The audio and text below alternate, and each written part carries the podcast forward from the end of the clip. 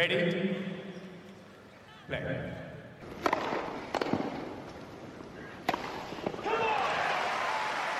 Merhabalar, Raket Servisi hoş geldiniz. Ben Gökalp. Ben Anıl, merhaba. Evet, yaklaşık 4 saatlik bir Barcelona finalinden ve 2,5 saatlik bir Barcelona final seremonisinden çıktık. Çok heyecanlıyız. Çok heyecanlıyız. Mutlu bir yorgunluk var. Ee, inanılmaz iki maç izledik bu hafta sonu. Evet efendim Barcelona'yı, Belgrad'ı ve bazı başka turnuvaları konuşacağız. Bir de e, yine Özak arkadaşımızın, sevgili Özak Durmuş'un güzel bir sorusu vardı. Unutamadığınız toprak maçlarını sayılayabilir misiniz diye. Biz de hazır toprağa iyice girmişken onu da konuşacağız. Ve haftanın parlayanı bu nasıl istatistik deyip bugünü kapatacağız. Anıl istiyorsan hazır Barcelona'dan çıkmışken onunla başlayalım. Nadal 12. kez Barcelona'da şampiyon oldu. Finalde bu sene toprakta set dahi kaybetmeyen Stefanos Tsitsipas'ı çok yakın bir finalde geçti. Ee, bir Nadal tarafından, bir Tsitsipas tarafından neler düşündüğün final hakkında, turnuva hakkında öyle bir giriş yapalım. Tsitsipas tarafından başlayacak olursam turnuvaya çok formda başladı ve sene başından beri zaten set kaybetmeden ilerliyordu e, toprakta ve burada da finale kadar hiçbir set kaybetmedi ki e, yani Yannick Sinner gibi, Rublev gibi e, iyi oyunculara karşı e, oynamasına rağmen e, kırılma anlarında soğukkanlı kalan taraf olarak maçların kritik anlarını kendine çevirmeyi başararak rahat görünen skorlarla turnuvada finale kadar çok hızlıca ilerledi diyebiliriz. Turnuva boyunca kortta geçirmediği süreyi finale saklamış haberimiz yokmuş. Final 3 saat 38 dakika sürdü ve esasında e, iki setede birinci setede ikinci setede Stefanos Tsitsipas seti baştan koparacak gibi başladı. Özellikle ilk sette 3-1'deyken durum e, 4-1'e gelecek diye bir momentum yakalamış diye düşünürken e, Nadal tabii ki öbür taraftan çok savaşçı e, ve asla pes etmedi. Zaten hani Rafa Nadal kortunda oynanıyor. Piste Rafa Nadal. E, dolayısıyla hani burada savaşmayacak da nerede savaşacak durumu. Fakat e, şunu değerlendirmek istiyorum genel olarak. Oyununu çok olgunlaşmış buldum e, toprakta Stefanos Tsitsipas'ın. Hani önceki senelerde de konuştuğumuzda ya aslında her şeyden var biraz e, diyorduk. Geçen hafta da benzer şeyler söylemiştik. Fakat bu sene bu yap, doğru yaptıklarını daha da istikrarlı bir şekilde ve heyecanlanmadan devamlılıkla yapmayı başarması en önemli e, fark oldu. Ve evet, bunu Monte Carlo'yu kazandıktan hemen sonra oynadı bir de burada. Hani hiç ara evet. vermeden geldi Barcelona'ya ve hemen maçları oynamaya başladı ve hiç öyle yorgunluk belirtisi yok. Mesela Rublev'da gördük final oynayan Rublev'da o belirtiyi. Ama burada dediğin Kesinlikle. gibi o ilk maçlarını çok rahat geçti. Cami Munar'ı 6-0 6-2 mesela. Cami Munar ki toprakta yeni final oynadı. Geçen Deminor, hafta da aynen öyle.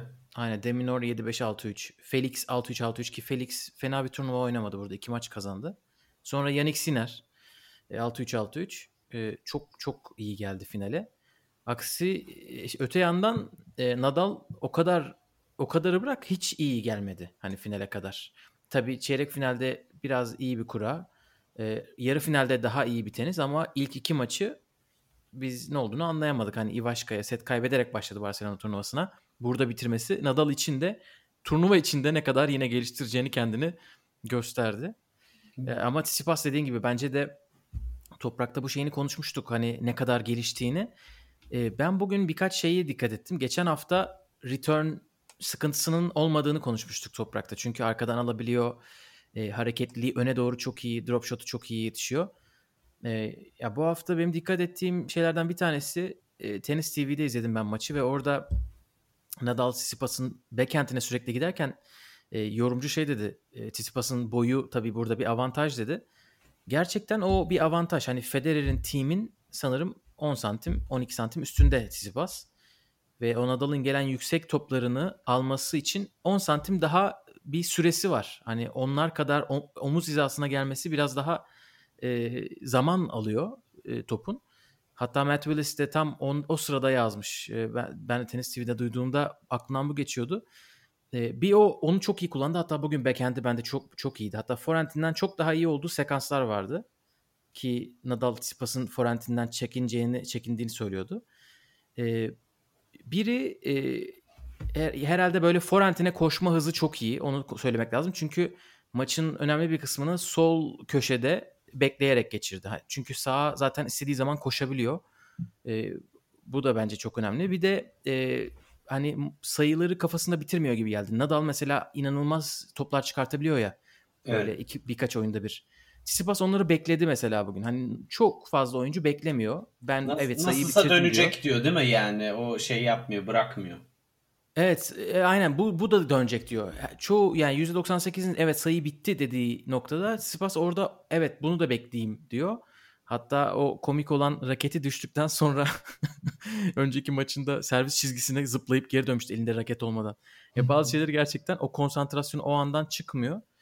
E, bence bunlar onun için çok iyi işaretler. Bugün e, çok değişik bir maç kaybetti. Kazanabilirdi maçı. Tabii. Nadal, Nadal'ın hakkı tabii yani bu, bu buralara kadar getirmesi. İlk seti 6-4 nasıl aldı Nadal? E, ikinci sette nasıl e, set, maç sayısı gördü iki tane. O tamamen Nadal'ın işi. Ondan sonra Tsitsipas da biraz seviye yükseltti ama istiyorsan Nadal tarafından da bakalım biraz. O onu nasıl gördün Monte Carlo'ya göre ve birkaç hafta yani önümüzdeki haftalarda neler bekliyoruz? Birincisi şu zaten hani Avustralya açıkta çeyrek finalde Tsitsipas'a kaybetmişti Nadal. Hani bunun üzerine bence zaten buraya bir ekstra motivasyonla gelmiştir. Hani bir sene içerisinde bu adama iki kere yenilmemeliyim. Özellikle toprakta. Hani bunun ayrıyeten bir e, motivasyon unsuru vardır bence. E, ikincisi zaten hani Tsitsipas 7. turnuvasına çıktı bu hafta. E, Nadal bundan önce sadece Avustralya açık Monte Carlo'da oynadı.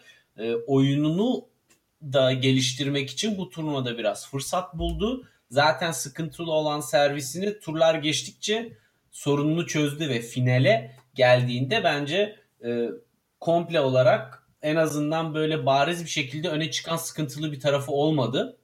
Ve bu özgüvenle e, esasında maça başlasa da yine de hatalar yaptı. Ama e, 3-1'deyken özellikle ilk setteki e, gösterdiği direniş bence e, çok kilit bir noktaydı. Çünkü hani işin tekniği vesairesini e, biraz kenara bıraktığımda bence birinci setin en bariz ayrıştıran tarafı Nadal tarafından şuydu. Tsitsipas diğer turların aksine burada kırılma anlarında ilk sette şey biraz eli titredi ve Nadal onu çok şey yaptı, doğru kullandı. Tsitsipas maça çok agresif başladı ve o anda Nadal biraz e, geriye doğru kaymışken Tsitsipas vitesi hafif düşürdüğü zaman Nadal çok hazır bekledi ve bu sefer inanılmaz agresif bir şekilde geriye döndü ve oradan Tsitsipas ge- geri kurtaramadı durumu yani. Biraz öyle hani maçı kortun içerisine biraz Nadal'ın girmesine müsaade ettiği takdirde zaten Nadal cezaları kesti ve bu da esasında maçın başından beri daha saldırgan bir e, planı olduğunu hissettirdi. Ne zaman ki buna fırsat elde etse oradan momentumu bırakmadı. Ama maçın bence genel yorumladığımızda şöyle bir ilginç tarafı var. Ne zaman ki momentum bir tarafa kayıyor desek bir anda tekrar momentum değişti. Yani bu açıdan biraz yorucu bir maçtı takip etmesi açısından. Çünkü bir dakikası bir dakikasını tutmadı. Hani aa maç bitti artık koptu diyoruz. Sonra bir anda tekrar her şey tersine dönüyor. Ve tam 3 saat 38 dakika sürdü. Ben maçın sonlarına doğru yorgunluk belirtileri aldım Rafa'da ama o ben son... kendinden bahsediyorsun sandım bir an. ama o son 10 dakikadaki gerçekten hani depodaki ne kadar benzin kaldıysa hepsini koydu ortaya sonuna kadar ve e, kritik anlarda gerçekten farkı yarattı. Fakat ikisinin de kaçırdıkları birer e, forend var kort ortasından çapraza. Gerçekten biraz e, konsantreyi e, korumakta zorlandıkları anlardı sanırım. Evet bence de zaten çok yüksek kalite bir maç değildi. Hani çok yüksek kaliteye çıktığı böyle anlar oldu. Ama o anlar çok uzamadı. Böyle birkaç oyun boyunca sürmedi. Senin dediğin bu momentum değişiklikleri zaten maçı acayip heyecanlı hale getiren bence oydu.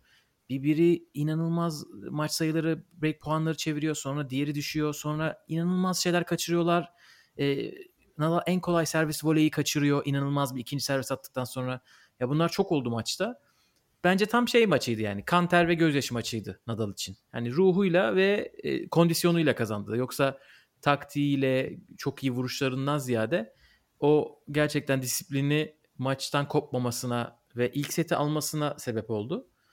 Kondisyonu da bence Tsitsipas'tan daha iyiydi gibi geldi bana. Üçüncü setin sonlarında özellikle Tsitsipas bacakları bayağı şeydi yani tonla basıyor gibi diye yere. Ee, hiç hareket edemiyor gibi hissettim ben. Özellikle sonlarında artık yani 3 3. set böyle 4 4 5 5 noktalarında ee, çok çok değerli bir zafer olduğu belli. Hem Nadal'ın bu seneki ilk şampiyonluğu tabii. Zaten 3. turnuvasını oynuyor senin de dediğin gibi. Ben Tsitsipas'ın 7 turnuva üstüne bir de ATP Cup oynadığını tamamen kaçırmışım. Daha yeni başlıyoruz. Ne ara bu kadar turnuva oynadı? Tamamen benden kaçmış. Yani oynamadığı turnuva yok Gökalp. Acapulco'yu oynadı. Avustralya açık, Marsilya, Miami, Rotterdam, e, ATP Cup bir de işte şimdi üstüne e, Barcelona. Yani Evet. Bu hafta oynamayacak Allah'a şükür. Ee, biraz suratını görmeyeceğiz. o da dinlenir herhalde artık. En son kazandığı e, 2019'da kazandığı Estoril pas geçiyor. Evet. e, büyük bir momentumu var aslında. Yani onun için hiç kötü bir Tabii. işaret değil bence bu mağlubiyet. Çok iyi formda devam ediyor.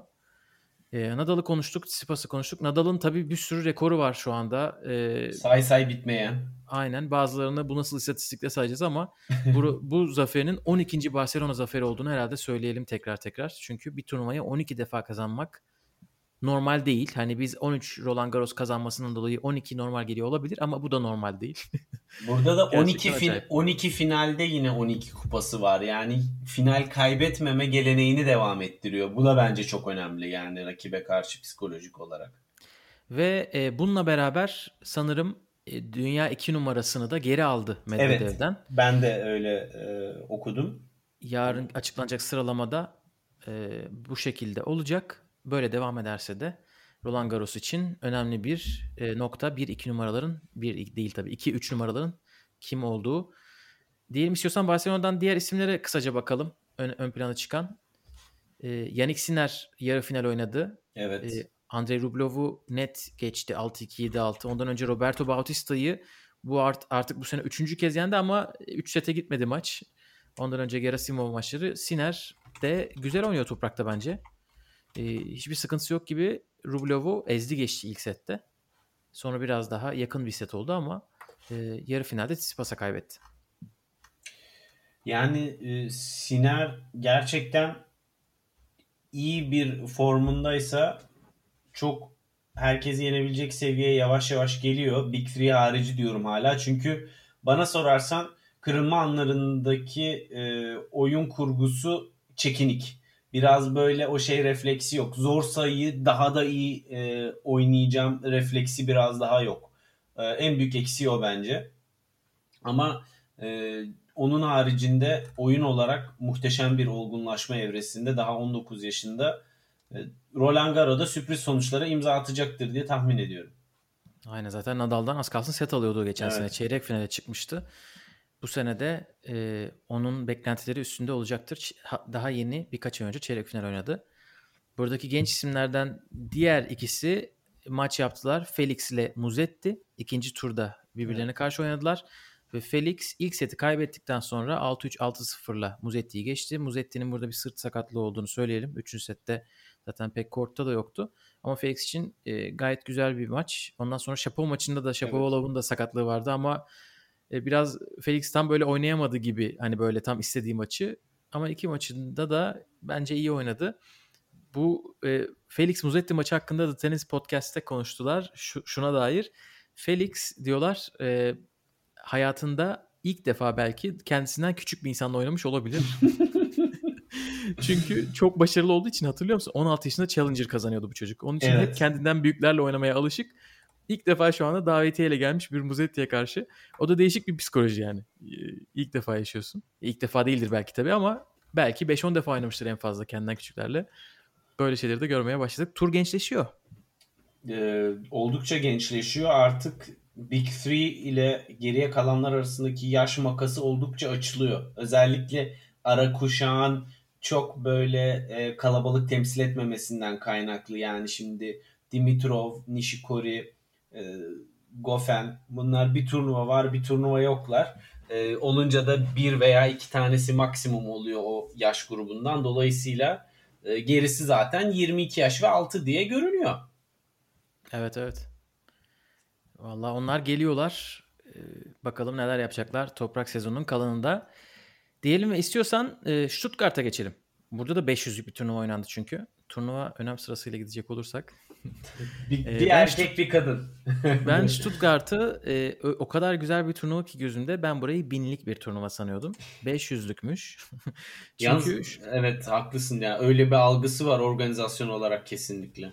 Yani şöyle Ash Barty 4 maç kazanıp şampiyon oldu. Dedim ki Masters turnuvasına nasıl 4 maç kazanılıp şampiyon olunur? Çünkü Masters turnuvası değilmiş.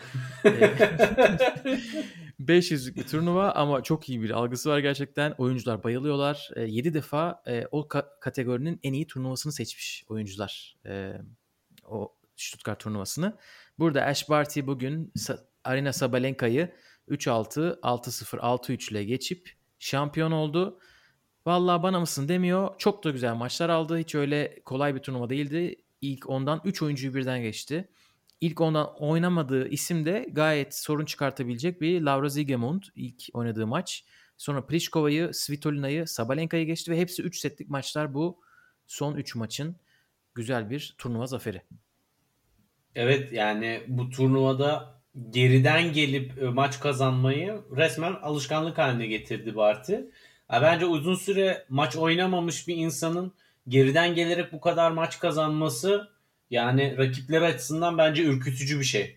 Çünkü özgüveni tamamen yerinde demek yani seti kaybetse bile ben bu maçı çeviririm özgüveni hala yerinde. Bu da maç pratiğinin az olduğu oyuncularda esasında çok da karşılanan bir durum değil. Ha tabii ki Barty biraz e, sakatlıktan değil de kendi tercihlerinden dolayı turdan uzak kaldı ama ne olursa olsun bence bu e, çok önemli bir gösterge. Bir de bunun üzerine gitti e, çiftleri de kazandı. Yani daha ne yapsın? Evet, Jennifer Brady ile oynadılar ve kazandılar. Dediğin gibi Araba ödülü çok kıskandım Gökalp. Çok affedersin araya gireceğim. Arkadaş öyle turnuva ödülü mü olur? Adamlar Ee, Porsche, Taycan, e, Turbo, Carrera, S bilmem ne bilmem ne böyle inanılmaz bir araba. evet, Her doktor, şeyi var arabanın. Doktor Wolfgang Porsche zaten e, mesajında arabanın barkoduna kadar söyleyecekti neredeyse hediyemiz budur diye. E, Ash Barty dediğin gibi e, Jennifer Brady ile beraber kazandı. E, geçen sene tabii oynamamıştı. Avustralya pardon Doha'dan sonra bu sene dedi ki ben Avustralya'dan çıkıyorum. Sene sonuna kadar dönmemek üzere. E, bu, artık tenis turnuvalarından tenis turnuvalarına gidecek takımıyla beraber. E, Miami'yi kazanmıştı. Charleston'da çeyrek finalde kaybetti ve şimdi Stuttgart'ta kazandı. Çok iyi gidiyor ve dediğin gibi kazandığı maçlar hepsini bir set geriden gelip kazandı. E, çok iyi bir e, momentum toparlıyor. E, onun olduğu tarafta Stuttgart kurası çok iyiydi. Şöyle oldu. Bir kez Petra Kvitova vardı. Petra Kvitova bu bu tarz turnuvaları seviyor. Kapalı kortta oynanan toprak turnuvalarını seviyor. Madrid'i kazanmıştı. Stuttgart'ı kazandı. Burada da Jennifer Brady ve Maria Sakkari'yi geçti. Çok güzel bir maçta Maria Sakkari'yi geçti. Sonra Kvitova'yı Svitolina geçti. E, Svitolina Kerber ve Kvitova'ya geçti. Sonra Svitolina'yı Barty geçti. Orası böyle çok iyi bir tarafıydı Kur'an'ın. Alt taraftan da Sabalenka geldi. Halep'i eledi. Halep'i de 6-3 6-2 ile geçmiş Sabalenka. E, Halep tabii Miami'den beri ilk defa oynuyor. Miami'de çiftler maçı oynadıktan sonra tekler maçına çıkmamıştı sakatlığından dolayı. Bakalım Madrid'e kadar ne olacak Halep'in formu. Onu da bekliyoruz. Ya zaten hani şunu da söylemek lazım bence e, Stuttgart özelinde. Hem e, İspanya ve Fransa'ya yakınlığı açısından hem de para ödülünün bir tık 500 seviyesinin üzerinde olmasından dolayı e, puan verilen puana göre turnuvanın derinliği, oyuncu derinliği çok yüksek. Dolayısıyla hani bana sorarsan bir Masters e, zaferi kadar zorlu bir yoldan geçiyorlar burada. Hani o açıdan da çok önemli bir sınav oldu. Aynen öyle. Ee, burada e, Stuttgart'ta 500'lük turnuva oynanırken İstanbul'da 250 oynandı. Ve dediğin gibi burası o kadar kalabalık ki oraya biraz daha hafif siklet oyuncular gittiler. Elize Mertens açık ara favoriydi e, turnuvayı kazanması için. Finale kadar da rahat çıktı ama sonra Kirsteya'ya 6-1 7-6 ile kaybetti. Kirsteya'nın 2008'den beri ilk WTA kupası. Zaten o tek WTA kupasıymış. Bugün ikincisini kazandı. Toprak'taki son 6 maçını kaybetmişti kendisi ve buraya gelip çatır çatır maçlarını aldı. Bugün de Elize Mertens'i 6-1 7-6 ile geçmiş. Helal olsun diyoruz. E, turnuva hakkında da oyuncuların çok mutlu olduğunu buradan söylemek lazım. E, biz de mutlu olduk tabii kendi turnuvamız olduğu için. Evet. Güzel yani güzel röportajlar verdiler. özellikle hani tabii ki İstanbul'un şu anda risk bölgesi olması, Avrupa'ya dönerken karantina endişesi vesaire olmasından dolayı buraya gelen o buraya kimlerin gelip gelmeyeceği biraz soru işaretiydi ama en azından e, gelen oyuncuları burada e, çok iyi ağırlamamız önümüzdeki senelerde turnuvanın tabii pandemi sonrasında daha rahat bir e, takvimle güzel bir e, oyuncu havuzuyla tekrardan daha e, reytingi yüksek bir turnuvaya dönüşeceğini tahmin ediyorum açıkçası. Evet Mertens burada yarı finalde Kudermetova'yı geçti. 3 numaralı seri başını. Kirsteya da yine seri başı olmayan Kostyuk'u eledi. Ee, burada güzel maçlar kazananlardan birisi Kostyuk. Birisi de Anakonyuh. Anakonyuh Sarayerrani'yi kazandı ilk maçında. Ee, bu maçlar dışında tabii ana tabloda bizim tek temsilcimiz vardı. Çağla Davetiye ile ana tabloya dahil oldu. Ee, diğer davetiyeler Mertens, Konyuh ve Zvonareva'ya gitti. Çağla'nın maçını istiyorsan çok kısa konuşalım. Çok duygusal bir maçtı tabii. Evet. Ee, Can Hoca'nın haberinden daha birkaç gün sonra e, oldu. E, ve turnuva çok hızlı davranıp hem kortun ikinci kortun adını değiştirdi hem de merkez korta çok güzel bir e, resmini e, adapte etmiş Can Hoca'nın. Onun önünde oynadı Çağla. İlk seti de kazandı. Ama sonra Krejcikova'nın zaten zor bir kura olduğunu biliyorduk. E, 6-2 6-0'la aldı Krejcikova. Ama onun yani heyecanını duymak bile çok güzeldi. Keşke devamında gelseydi ama e, zor bir kura tabii. Yani e, hem kura zor hem psikolojik olarak yani tenis çok odaklan aralıksız odaklanmayı gerektiren bir spor. Böyle bir kafada e, duygu ve düşünceler varken korta çıkmak bile bence çok zor. E, kaldı ki birinci seti alması bence çok iyi. E, kendisine de bunun motivasyon olduğunu düşünüyorum. Fakat sonra maalesef e, Krejcikova kortu tamamen ele geçirdi ve e, Çağla'ya yer kalmadı diyebiliriz yani çok net e, geçti maçın ikinci ve üçüncü seti. Ama ben istiyorum ki gerçekten tekrardan WTA seviyesinde e, ana tablolarda, ikinci turlarda, üçüncü turlarda Çağla'yı veya sakatlıklarla mücadele eden e, diğer oyuncuları ve yükselmeye çalışan oyuncuları görelim. Çünkü e, oyuncu havuzumuz bu ara biraz sekteye uğradı Gökalp. Yani e, şimdi eskiden direkt ilk anacağımız isimler olan İpek ve Başak hala e, turda değiller.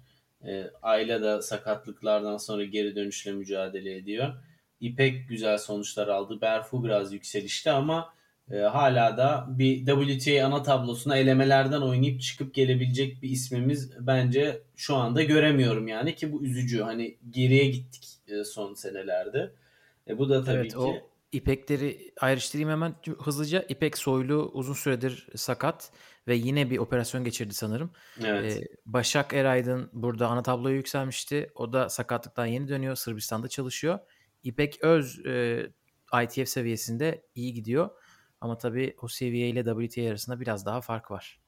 Yani bizim Grand Slam'de de ana tabloya çıkma hedefi dışında tur atlamayı vesaire hedefliyorsa eğer oyuncularımız zaten öncelikli olarak ATP ve WTA'de düzenli olarak o seviyedeki insanlarla oynayabilmeleri lazım ki o özgüven olsun yani. Yoksa bir anda bisiklet yukarıdaki oyuncu geliyor ve inanılmaz bir seviye farkı varmış gibi bir psikolojiyle oynuyorlar. Halbuki o kadar yok. Teniste birçok şey çok psikolojik. Hani o da özellikle kendi vuruş güçlerine e, yansıyor bence. E, bu turnuvayla alakalı söylemek istediğim bir şey de sosyal medya hesabının yönetimini çok beğendim. Ben de katılıyorum. İstanbul'un İstanbul'un Kediler. kedileri, e, top toplayan köpekler. Bunlar sosyal medya için 10 numara içerik arkadaşlar. Evet. ben öyle düşünüyorum. Çok hoşuma gitti. Pemra galiba oyuncularla röportaj yapmış. Röportajlar çok iyiydi. E, biraz daha erken olsa en azından turnuva daha çok duyulurdu ama içeriği çok beğendim. Buradan da onun tebriğini edelim diyeyim ve son turnuvamız olan Belgrad'la altın vuruşu yapalım istersen. Bugün biz 3,5 saatlik bir maç izledik ama asıl hafta sonunu dün Aslan Karatsev ve Novak Djokovic başlatmıştı. Karatsev öyle bir şey yaptı ki hala inanamıyoruz. O da 3,5 saat kadar süren maçta Belgrad'da Djokovic'i geçti yarı finalde. Bugün de son saniye 6-6'ya getirdiği 3. sette Matteo Berrettini'ye kaybetti. Matteo Berrettini Belgrad'da şampiyon oldu. Kendisini tebrik ederiz. Avustralya açıktan beri oynamıyordu. Geldi ve turnuvayı kazandı ama biz bugün Karatsev ve Djokovic konuşacağız. Evet yani Berrettini gerçekten sinsi sinsi sessiz ve derinden gelip kupayı alıp gitti yani. hani e, çok bir şey söyleyemeyeceğim. E, Belgrad turnuvasında zaten birçok e, sıralaması yüksek isim çekilince esasında tablo bayağı boşalmıştı. E, bir tek Aslan ve Djokovic arasındaki mücadele hakikaten böyle e, heyecanlandırıyordu zaten kağıt üzerine bakınca turnuvada. E, yoksa Djokovic'in bütün maçları çok rahat geçmişti yani güle oynaya. E, yani ben direkt maça girecek olursam Gökay beni en çok etkileyen şey bu maçta iki tarafında yarınlar yokmuşçasına hiçbir topun peşini bırakmayıp e, sonuna kadar mücadeleyi devam ettirirken her vuruşu sadece geriye göndermek için değil geniş bir e, yani gerilerek topa yüksek hızda derin ve köşelere vuruyorlar. Yani e, ralli olur. Ralli 15 e, 15 vuruşluk, 20 vuruşluk ralliler olur.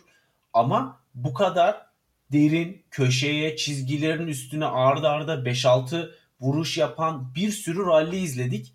Yani bu kadar precision'la, e, bu kadar e, çizgilere yakın oynanan ralli sayısının olduğu en yüksek ma- turnuva maçlardan biri olabilir. Yani ben baseline mücadelesine ağzım açık kaldı Gökhan gerçekten. İnanılmaz baseline şeyine savaşına doydum. Evet evet yani çok çok üst düzey bir e, maçtı. Hem rally açısından hem e, heyecan, skor heyecanı. Yani bugünkü maç güzeldi tabii ama oradaki kadar vuruş kalitesi sürekli yoktu. Belki heyecan bugün de vardı ama or, oradaki tenis başkaydı. Bir de oranın hikayesi de tabii Djokovic seneler sonra Belgrad'da turnuva oynuyor. 10 ee, sene sonra resmi turnuva oynuyor. Ailesi orada, arkadaşları Allah bilir matematik öğretmeni gelmiş izlemiştir. Öyle bir ortamda oynuyor yani Belgrad'da kendi kulübünde. Bir de en son burada oynadığında Adria Tur gibi bir şey olmuştu. Skandal. Hani tam böyle onların üstüne yeni bir sayfa açıyor. Ee, kardeşi tabii burada turnuva direktörü ve karşısına bu senenin Kingslayer'ı diyebileceğimiz Aslan Karatsev gelmiş. E, geleni geçeni bitiriyor. Bu arada Karatsev e, Berrettini maçını bugün herhalde bir tek Karatsev'in ailesi izliyordur diyordum. Felix öyle bir tenis aşkıyla yaşıyor ki Felix açmış izlemiş. Arkada Nadal'ın maçı, önde Karatsev'in maçı. Kendisini tebrik ediyorum. E, Karatsev nasıl hani o, o yarı finalden çıkabildi? E, tabii şöyle şeyler var. Nadal pardon Djokovic e, de Monte Carlo'da çok kendi standartının çok çok altında oynamıştı. Hani yavaş yavaş yükselmesi biraz normal onu bekliyorduk. Zaten ilk tur maçı çok rahat maçtı. Kecmanovic maçına ben biraz daha Kecmanovic'den biraz daha şey bekliyordum. Ee, daha iyi bir performans bekliyordum. Yine 6-1 6-3 ile geçti Djokovic çok da zorlanmadan. Onun için çok test edilmedi Karatsev'e kadar. Ama yani ben Karatsev'in elinin titremesini bekliyordum. Bugün Tsitsipas'ın eli birkaç yerde titredi mesela. Evet. Zaten ilk seti getiren e, Tsitsipas'ın elin titremesiydi mesela. Karatsev'de asla öyle bir şey olmadı. Ve evet. hani sen de 10 ben diyeyim 15 tane öyle durum vardı yani. Hiç birinde bile eli titremedi. Çok garip bir adam gerçekten bir mental Djokovic olarak. ikinci seti 6-4 aldı ama o 6-4 alabilmesi için yaptıklarını o 5-4'teki Karatsev'in servis oyununu açın izleyin. Ya inanılmaz bir seviyeye çıkması gerekti evet. Djokovic'in. Ama tabii bunu maç sevi maç boyunca tabii Djokovic de o seviyede oynamak ya hayatta bir, belki 5-10 defa alıyordur. O öyle bir maç tabii çok zor. E, ama Karatsev'in buralara gelmesi çok ilginç. E, şu anda sene sonu finallerine gidecek durumda kendisi. yani hala şaşırarak takip ediyoruz. Djokovic bu arada maçtan sonra iki gündür sağlığım böyle süper değil. Onun için e, onu böyle şey yapmış, not düşmüş. Karatsev'i 15 defa falan tebrik edip hani yanlış anlaşılmasın onu çok söylemiş. Ama e, böyle bir baş dönmesi, bir bulantı gibi bir şey vardı 3. sette demiş. Ona rağmen gayet güzel bir 3. set izledik. Oradan çıkan Karatsev tabii. Karatsev bu arada iki maç önce de çok uzun bir maç oynamıştı. Bedene'ye karşı 3. set tiebreak'te kazanmıştı. Onun için e, hem o maç hem de bu maçtan sonra finali de böyle tamamlaması e, gerçekten çok iyi. Tabii Berrettini'yi de bir defa daha adını analım çünkü şampiyonluğu oldu burada. e, Belgrad böyle bir turnuvaydı. Belgrad'da ikinci bir turnuva daha olacak. E, bunu e, hani hem takvimde görmüşsünüzdür hem aşı olan bazı oyuncular oldu. Çünkü e, Sırbistan açık turnuvası böyle bir imkan sağlamış. Sırbistan o kadar çok aşı getirmiş ki ülkeye ve sanırım aşı olmak istemeyen çok fazla insan varmış. Onun için ellerinde çok fazla aşı aşı olduğu söyle bir e, Ana Mitric'ten gördüm bunu e, gazeteciden Twitter'da. E, o, ama böyle çeşit çeşit eğer gördüyseniz o fotoğrafı kutu kutu değişik değişik marka aşılar var. Seçebiliyorsunuz işte Pfizer aşısı mı? Hani e, oyuncular tabii Pfizer olunca insanların aklına gelen ilk soru ikinci dozu ne zaman olacaklar oldu. İkinci dozu Belgrad'daki ikinci ATP turnuvası sırasında olacaklarmış. Bu da Roland Garros'un ertelenmesinden o, o ortaya çıkan boşlukta olan hafta 22 Mayıs haftası olması lazım. Djokovic basın toplantısına tekrar gelmeyi düşündüğünü söyledi. Çok ilginç. Çünkü o haftanın pazarı e, cuma e, şey başlıyor. Roland Garros başlıyor. Şu anki planlarında Belgrad'a tekrar gelmek varmış. Bakalım gidecek mi? Yani regülasyonlara bağlı belki de biraz. Çünkü e, Sırbistan hani Avrupa Birliği içerisinde değil. Dolayısıyla e, Fransa'ya seyahat konusu biraz daha sıkıntılı olabilir. E, Bubble'dı vesaireydi o günün durumlarına göre. Ama hani ben burada mecburiyetten vites yükseltti Djokovic. E, mesela geçen sene Roland Garros'dan önce e, şunu hissediyorduk hani hala kendi de diyordu hala da e, yükseltecek vitesim var diyordu. Burada canının dişine takarak oynadı ve kazanamadı. Yani e, Karatsev için hani şey diyorlar ya bu büyük oyuncuların hani winning ugly yani maçtan kopmamak, maçta ne olursa olsun e, mücadeleyi bırakmamak. E, Karatsev kesinlikle Djokovic ne kadar e, şey yapsa da e, vitesi yükseltse de tamam devam edeceğiz o zaman deyip o da ona ayak uydurmayı başardı. Yani bunu yapmak istemek var bir de bunu başarmak var. Dolayısıyla büyük bir galibiyet oldu. Her ne kadar Djoko tam formunda olmasa da. E, aşı konusunda e, şöyle bir şey var. Gerçekten Sırbistan e, bu konuda en başarılı ülkelerden biri sanırım. Sadece turnuvaya gelenler değil, oradaki yaşayan insanlar da istediği tip aşıyı seçip olabiliyorlar ve Sputnik'te var, e, Sinovac'ta var, BioNTech'te var. Ne varsa getirmişler yani adamlar. E, Valla o açıdan ülke yönetimi biraz puan toplamış duyduğum kadarıyla. Ama genel olarak organizasyon, tesis filan güzel bir iş ortaya çıkarmışlar. Zaten 4-5 yıllık bir lisans almışlar ve e, hedefleri esasında ATP 500 seviyesi kategorisine girmek. E, bir tesis tanıtırken Djokovic zaten şey diyor. E, yani ATP 250 seviyesi için çok güzel bir e, fazla güzel bir kort, fazla güzel bir tesis filan diye övüyor soyunma odalarını filan da gösteriyor. Tesis bence çok güzel gözüküyor bu arada televizyonda. Evet. Bayağı başarılı. Yani e, Instagram'da... İnsan gidesi geliyor bence. O kadar güzel geldi bana. Soyunma bir de hele odaları... dışarıdan çekimi de tabii o nehirlerin buluştuğu yerde tam e, Belgrad'da. E, merkez kortu da çok güzel. Çok iyi tasarlamışlar. Yani o bence Djokovic şeye yatırım yapıyor yani ülkeye tenisi yaygınlaştırmak için Balkanlarda da genel anlamda tenisi bir tık daha ileriye götürmek için tekrardan bir çaba harcıyor. Çünkü hani şu anda Balkanlardan e, Djokovic hariç üst düzey çıkabilen son zamanlarda Borna Çoric'in e, ve Marin Cilic'in haricinde ki onlar da zaten birkaç senedir yoklar ortada pek fazla. Hani yok ve onun üzerine tekrardan bir 50'de altyapı kurmak ya ilk istiyorlar. 50 seviyesinde bir sürü Sırp var ama ilk 10 tabii en yukarılarda e, oralara çok çıkan olmuyor. Evet. E, Balkanlara hani Yugoslavya değil ama Balkanlara daha iyi te- daha çok tenis turnuvası getirmek isteyen bir isim tabii Tsitsipas. Bugünkü e, 25 dakikalık e, ikincilik konuşmasından Allah'ım. bir cümlede buydu. Yunanistan'da da inşallah Barcelona gibi bir turnuvamız olur. Sizi örnek almak isteriz diye. E, 23 Nisan'daki e, başbakan koltuğuna oturan çocuklar gibi konuşma yaptı yine. Bakalım Yunanistan'da bir ATP turnuvası olacak mı? Olursa güzel olur. Neden olmasın? Ya benim esasında Tsitsipas için tavsiyem hani hiç şampiyonluk konuşması, final konuşması bunları kafa yormasın. Birine hazırlatsın ve o metni okusun. Gerçekten eziyet oluyor yani. O Ben kadar kafa yorduğunu sanmıyorum. Kafa yoran böyle konuşmaz zaten.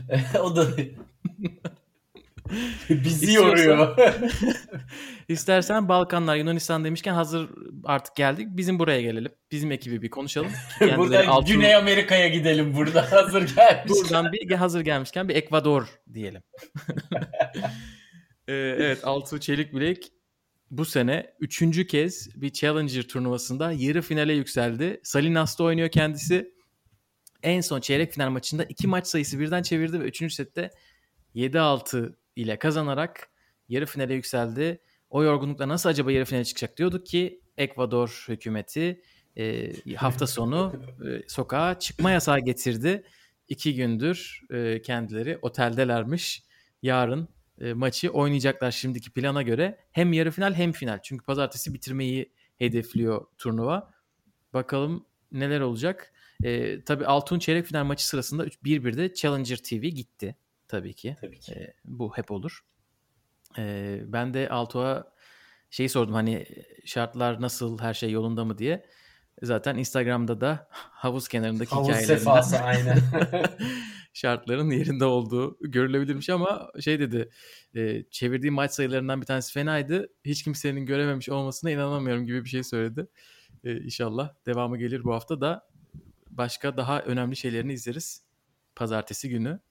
E, ve eğer e, hani bir sıkıntı olmazsa buradan gelen sonucuyla çok büyük ihtimalle Roland Garros eleme hizasına artık o raddeye girdi gibi düşünüyoruz. Çünkü 235 numaralara kadar yükseldi.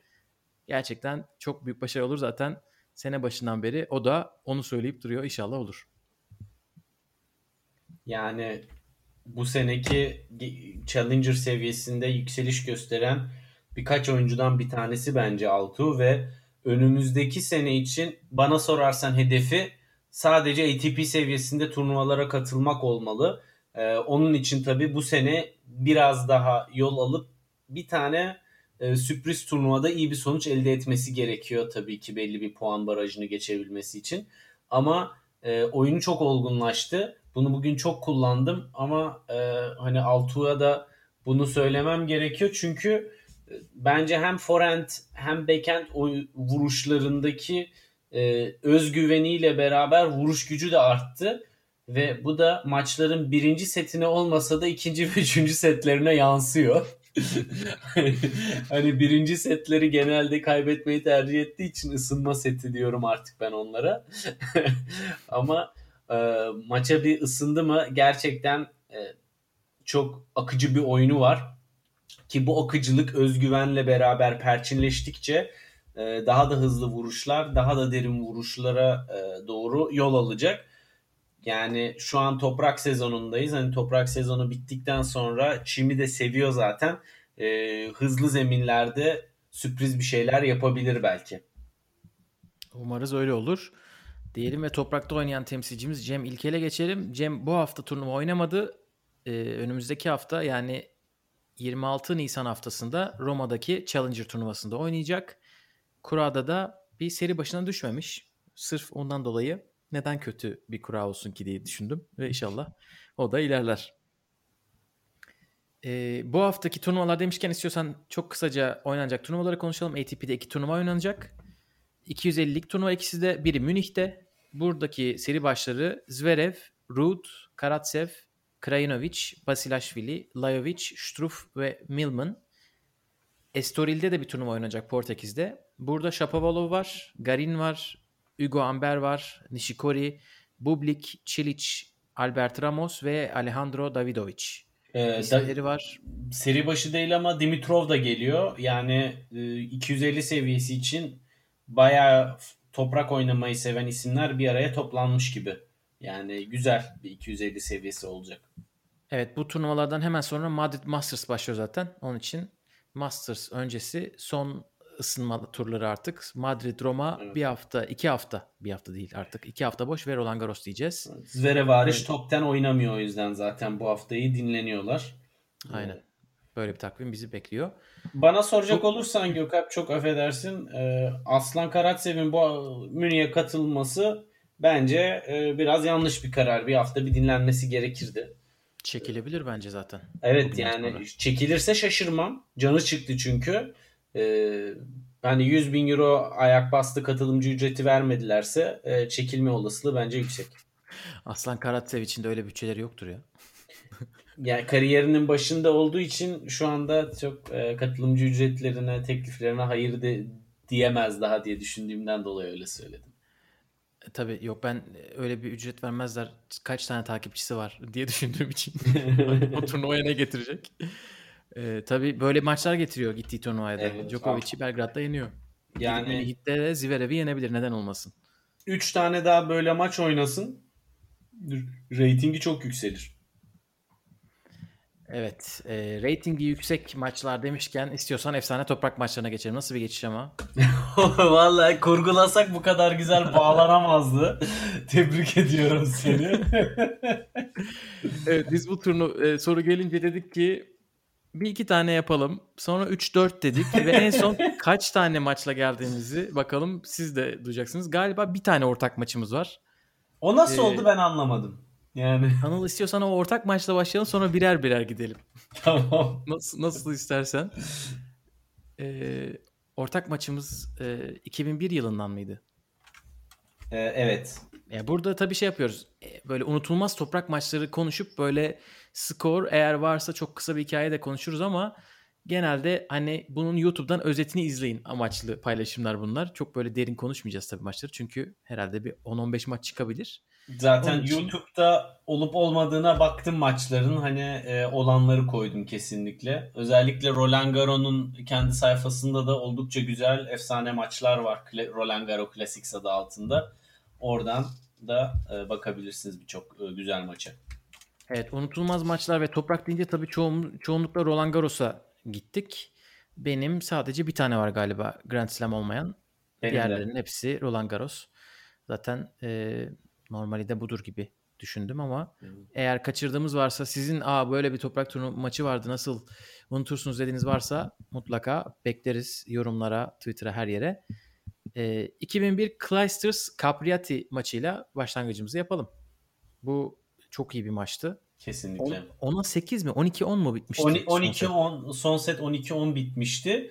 Clijsters daha 18 yaşında ve Jennifer Capriati'ye karşı ilk seti 6-1 almış. Capriati oradan döndü. Yani e, çok garip bir maçtı gerçekten. Dolayısıyla e, kesinlikle kaçmaması gerekir.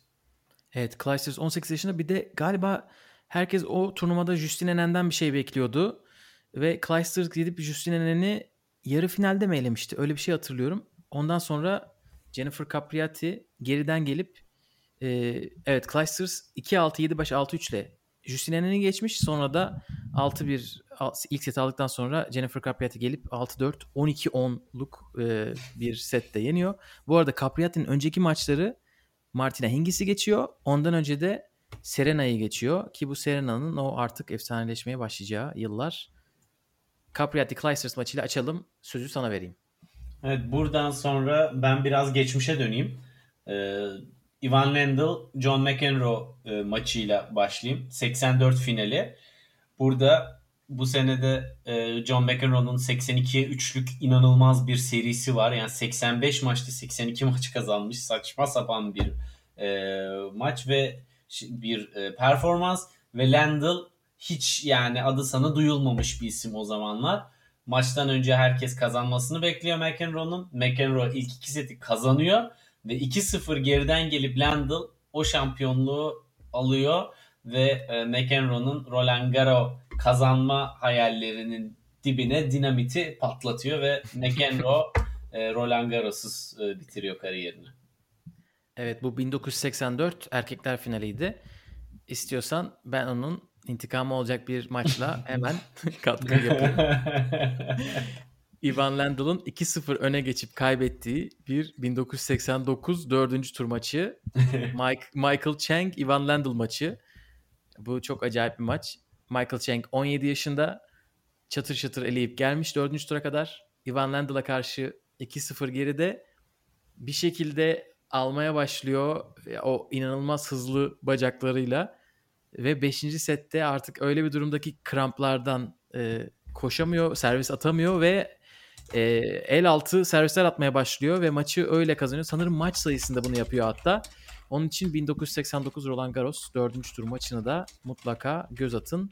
Michael Chang zaten oradan sonra gidip aslında finalde Stefan Edberg'i yendi ama herkes o e, Ivan Lendl maçını konuşur.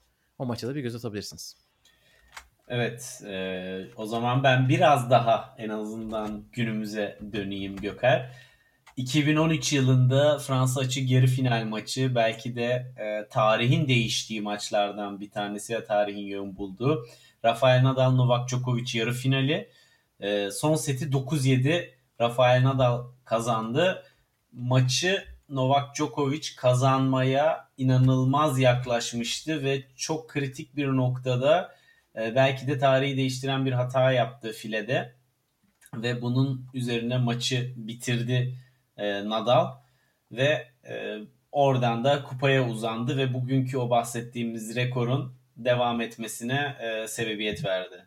Yani dramı bol, heyecanı bol, bayağı da uzun bir maç. evet ve filede yaptığı hata e, voley kaçırmak değil, sayıyı kazanmadan hemen böyle 0.2 saniye önce fileye dokunmak. Dokundu. Aynen bundan dolayı mutlaka o anı izleyin, kaçırmayın. Ve o anda Acayip. ne kadar sakin kaldığını görüp e, şaşırın. Aynen öyle. 2013 dedin ben 2 sene öncesine gideyim. Federer'in Djokovic'i yendiği yarı final. Djokovic o seneye sanırım 41-0'lık bir seriyle başlamıştı. Nadal'ı toprakta 2-3 defa yenmişti. Ee, ve o sene Roland Garros'u kesin kazanacak gözüyle bakarken herkes Federer 7-6, 6-3, 3-6, 7-6'lık bir maç kazandı. Ve sonra o meşhur işaret parmağını sallama hareketiyle e, gelmişti fileye doğru. Tabii şu anda Fransa açıkta geçen seneden sonra ilk defa bu sene ışıklar altında maçlar yapılabilecek gece seansları var ama o zaman öyle bir şey yoktu ve hava kararıyordu yani son maçın sonlarında görebiliyorsunuz havanın ne kadar karardığını. Onun için o anlamda da böyle bir efekti oldu maçın. Ona da bir göz atabilirsiniz. O zaman ben de e, bir tık daha geriye gideyim. 2005 yılı Roma Masters finaline 18'lik e, Rafael Nadal o zaman daha çok genç. E, 23 yaşındaki Guillermo Correa'ya karşı e, finalde oynuyor ve bana sorarsan toprak tarihinin en heyecanlı ve en üst seviyedeki maçlarından biri oynanıyor. Tam 5 set. E, o zamanlar Masters finalleri henüz 5 set oynanıyordu. Maalesef e, bugün artık 3 sette bitiyor. Maçı 6-4, 3-6, 6-3, 4-6 e, son seti tiebreak'te alan 7-6 kazanan Rafael Nadal alıyor ve e, Korea'nın Masters kazanma umutlarını sonlandırıyor. İnanılmaz bir mücadele ve müthiş bir seviye. E, zaten epey de uzun sürüp karanlıklara doğru e, ilerleyen bir e, maç olmuştu. İzlemeye doyum olmaz diyorum. Ben aslında listemde yok ama hemen şeyi ekleyeyim. Çok kısa açıklamasını yapmadan. 2005 Roma finalinin neredeyse karbon kopyası 2006 Roma finali. Nadal Federer'i bu sefer 5 sete geçiyor. Yine 5. set 7-6. E, o maçın da özeti tadından yenmez. E, bunun dışında bir maç değil de şeyi söyleyeyim. E, Gustavo Kuerten'in ilk Roland Garros zaferi 1997 zaferi o acayip bir turnuva. Kuerten daha ortalıkta yok. İlk elinin dışında bir isim ve dört tane çok büyük ismi geçip böyle eski Fransa açık şampiyonlarına geçip sürekli işte Kafelnikov'u ondan önce galiba Thomas Muster'i ondan önce Sergi Bruguera'yı böyle, böyle isimleri geçip geçip şampiyon oluyor ve bütün turnuvanın özetinin yapıldığı bir Roland Garros videosu var. Yine Roland Garros'un resmi kanalında. Onu da tavsiye edebilirim. Evet o zaman biraz daha günümüze döneyim. E, 2009 yılı dördüncü tur maçı 28 yaşındaki Federer'le 31 yaşındaki Tommy Haas karşılaşıyor dördüncü turda. E, bu turnuvanın dördüncü turundaki bir, bir diğer mücadelede Rafael Nadal Robin Söderling'e kaybediyor ve o güne kadar e, sadece Nadal'a kaybetmişti Roland Garros'da Federer e, geçtiğimiz yıllarda.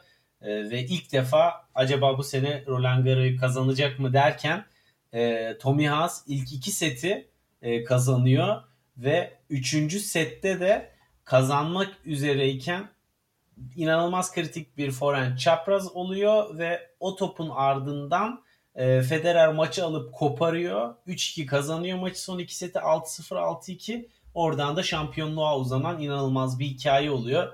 Yani sadece o kritik sayıyı izleyip biraz önünü arkasını izleseniz bile ne kadar gergin bir atmosferde kritik bir maç olduğunu e, görebilirsiniz. Ama seviye çok değişikti yani.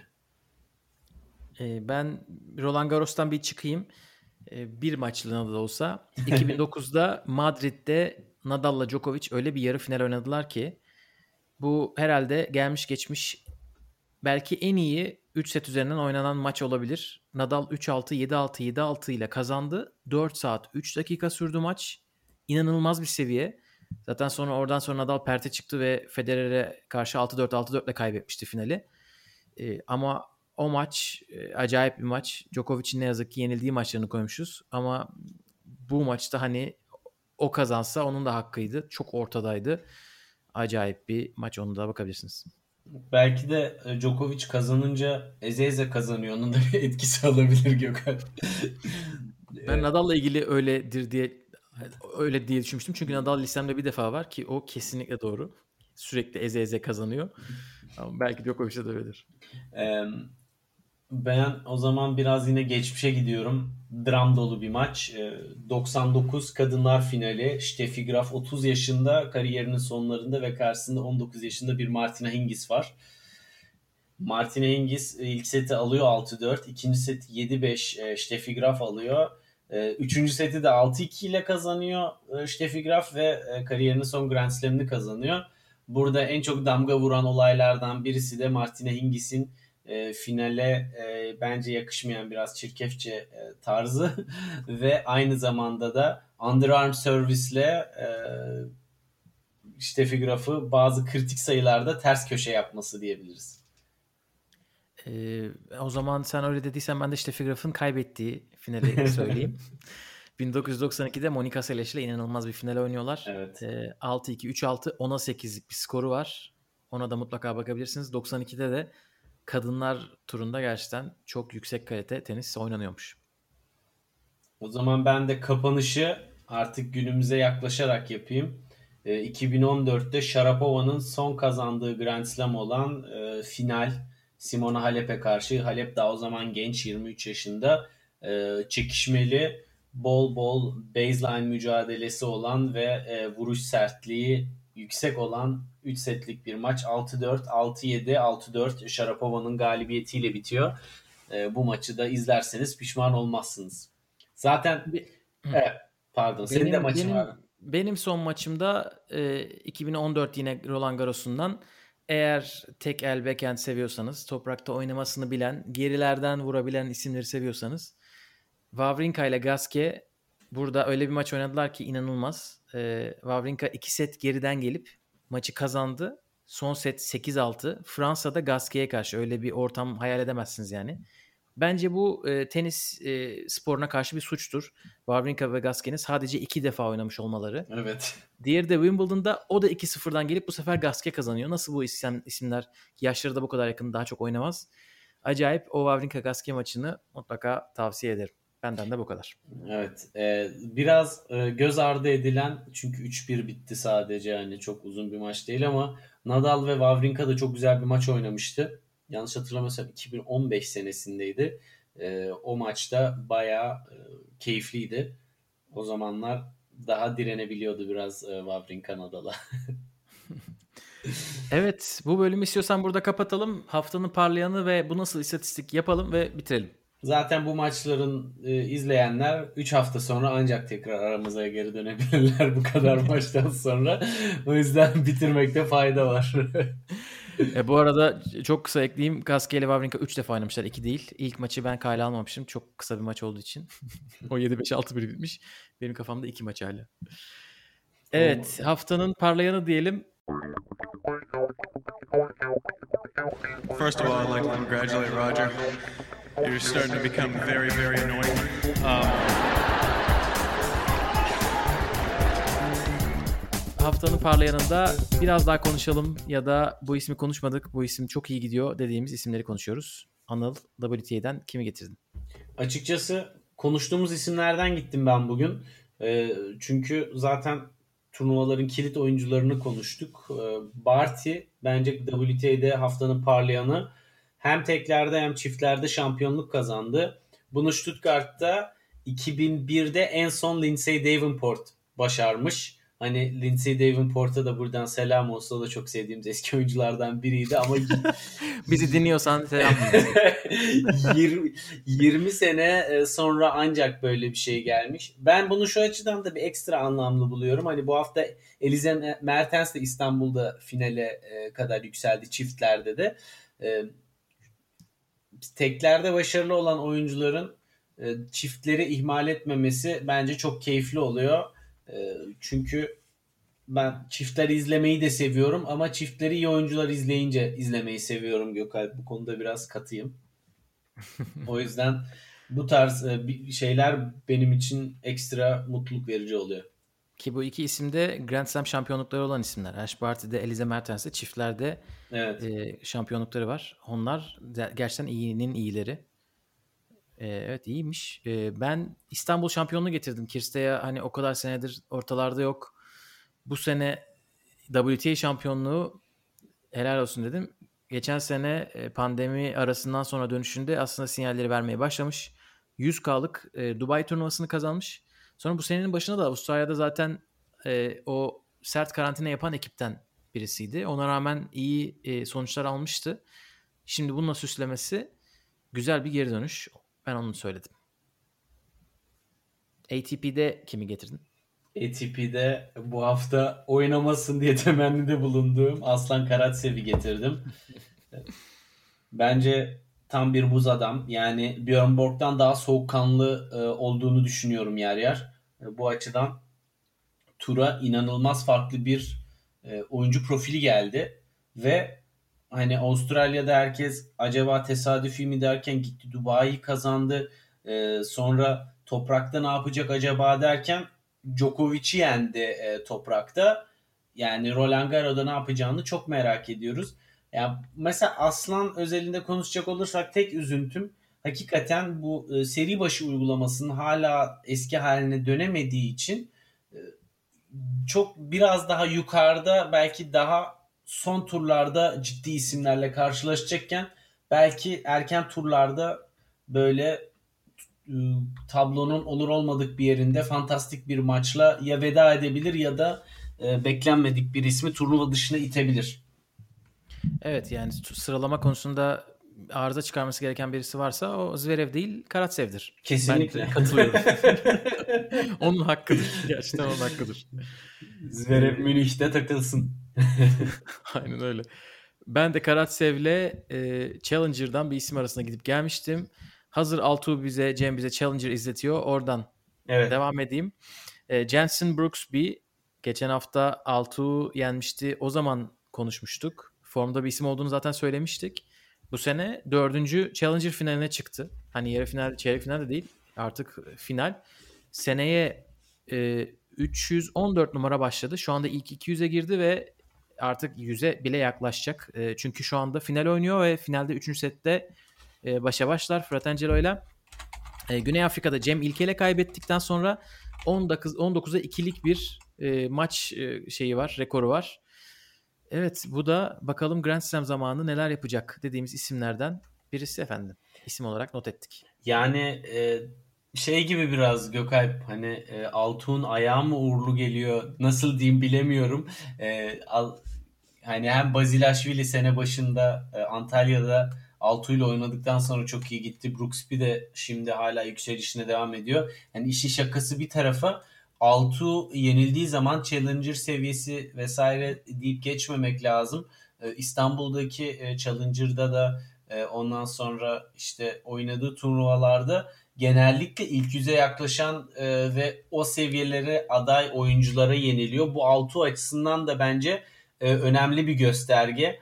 Tabii ki takvim yoğunluğunda sürpriz maçları da kaybedebilir ama iyi oynadığı maçlarda kaybederken alelade isimlere e, ve e, potansiyeli olmayan isimlere kaybetmiyor. Benim hani Altuğ'daki e, beklentimin bir sebebi de bu açıkçası. Yani kötü, kötü maç kaybetmeyi epey azalttı. Evet ben e, Cem için de aynısını söyleyebilirim. Çünkü Evet. e, Cem bu, bu sene Brooks bile mesela iki maç yapmışlar. Birini almış birini vermiş. E, yine aynı şekilde İlya Ivashka deyince biz ilk defa duymamıştık o ismi. Evet. Çünkü Ivashka geçen sene İstanbul'da Challenger kazandı ve kazandığında Ergi ve Cem'i arka arkaya maçlarda yenmişti. Yani onu biz iki defa izlemiştik. Ve hani orada bizim oyuncularımızın o kadar kötü oynamadığını insan görüyor ama tabii skoru bakınca aa diyorsun nasıl bu numaraya böyle yenilebilir? Adam gitti Barcelona'da Nadal'dan set aldı. Evet. Onun için hani bizim ekibin de seviye olarak dağlar kadar farkı olmadığını böyle sonuçlar gösteriyor. Evet takipte kalacağız. Benim demin zaten demek istediğim biraz da buydu. Yani bu oyuncularla oynadıkça o ya aslında aramızda çok bir fark yok psikolojisi yerleştikçe o seviyelerde zaten tutunmayı başarabilirler. Dolayı ondan dolayı zaten hani ATP turda bir istikrar yakalamalarını çok istiyorum. Altuğ da 24 yaşında şu anda. Hani mental olarak da önemli bir olgunluk seviyesinde. Artık o seviyelerde e, özgüvenli bir şekilde oynayabilir. Aynen öyle. İstiyorsan bu nasıl istatistik diyelim ve de bugünkü bölümü kapatalım. Tamamdır. Uh, okay, seven Australian Opens, 15 uh, slams. Not but too bad. Not too bad. Cannot complain. Cannot complain. Evet bugün iki tane istatistik konuşacağız. Ee, bir tanesi Karatsev, bir tanesi Nadal. Ee, Anıl istiyorsan senin tweetini de attığın istatistiği sana vereyim. Evet yani Karatsev 28 e, servis kırma puanı yakalamış Djokovic ve bunun 23'ünü geri çevirmiş. Ya bu nasıl oluyor? 0-40'tan herhalde bir 4 oyunu vardı veya 3 oyunu en azından. E, 0-40'tan servisine tutunmayı başardı Aslan ve bunu dünya tarihinin gelmiş geçmiş en iyi returncüsüne karşı yaptı. E, bence bu o açıdan biraz daha ekstra kayda değer bir durum. Bundan daha fazla servis kırma e, sayısını korumayı, müdafaa etmeyi başaran tek bir isim var. O da Guillermo Garcia Lopez. Bunlar tabii 3 setlik maçlardan bahsediyoruz. Ve Guillermo Garcia Lopez de bu başarısını e, Rafael Nadal'dan başkasına karşı elde etmedi. yani Djokovic, Djokovic Nadal çekişmesi bur- burada da mı var dedirtti yani. hani gerçekten o da 2010 yılındaki bir maçtaydı. Hani 2010 yılından beri e, bu kadar yüksek bir şey olmaması da zaten ayrı bir e, olay. Ama gerçekten yordu. Aslan'ın mental olarak bu kadar diri kalması ve bu kadar e, servisi kırdırmamayı başarmasında şaşırdığımız en önemli sebeplerden birisi de buydu zaten. Nice 0-40'lar 15-40'lardan e, oyununu vermedi, servisine tutundu.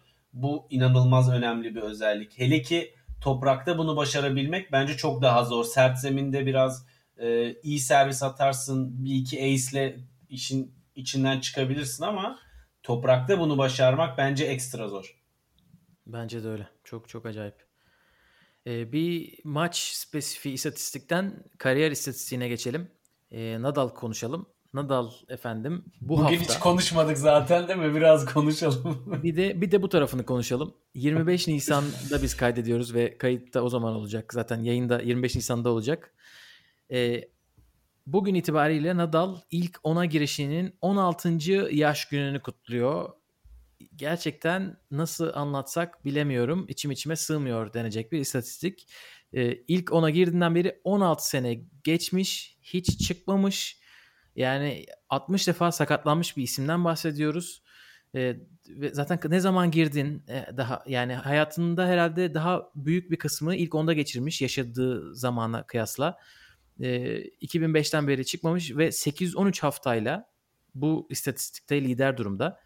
Ee, ikinci sırada Jimmy Connors var 780, 789 hafta. Üçüncü sırada Federer 734 hafta. Ivan Lendl 619 hafta. Pete Sampras 565 hafta. Djokovic'in olmadığı bir listeden bahsediyoruz. Yani böyle bir rekor gerçekten inanılmaz. Hı. Ve devam ediyor ve çıkmayacaktı hani Evet. belli bir süre. Çünkü şu anda kendisi 2 numaraya yükseldi. Ee, sürekli ilk onda kalması çok acayip. Tebrik ediyorum kendisini. Havuza girmiş.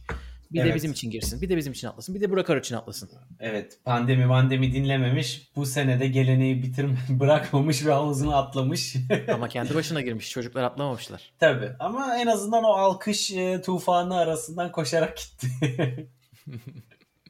Ee, Evet. evet. Bu acayip istatistik içinde e, valla kutlarız. Bakalım neler olacak. Roland Garros sonuna kadar büyük ihtimalle bir 50-60 rekor daha kırar kendisi deyip bu nasıl istatistik yerine bu bölümün adını bu nasıl Nadal diye artık konuşabiliriz. o da olabilir. Burada bitirelim mi? Tamamdır. Evet önümüzdeki hafta biraz daha hafif bir hafta dinlenebiliriz. Sonra Madrid, Roma ve Roland Garros yolunda devam edeceğiz. Ee, evet efendim bölümümüzü beğendiyseniz bizi paylaşabilirsiniz. Diğer her mecradan üye olabilirsiniz. YouTube'a abone olmayı unutmayın. Yeni turnuva videolarımız geliyor diyelim ve bugünlük burada bitirelim. Bir sonraki bölüm görüşmek üzere. Hoşçakalın. Hoşçakalın.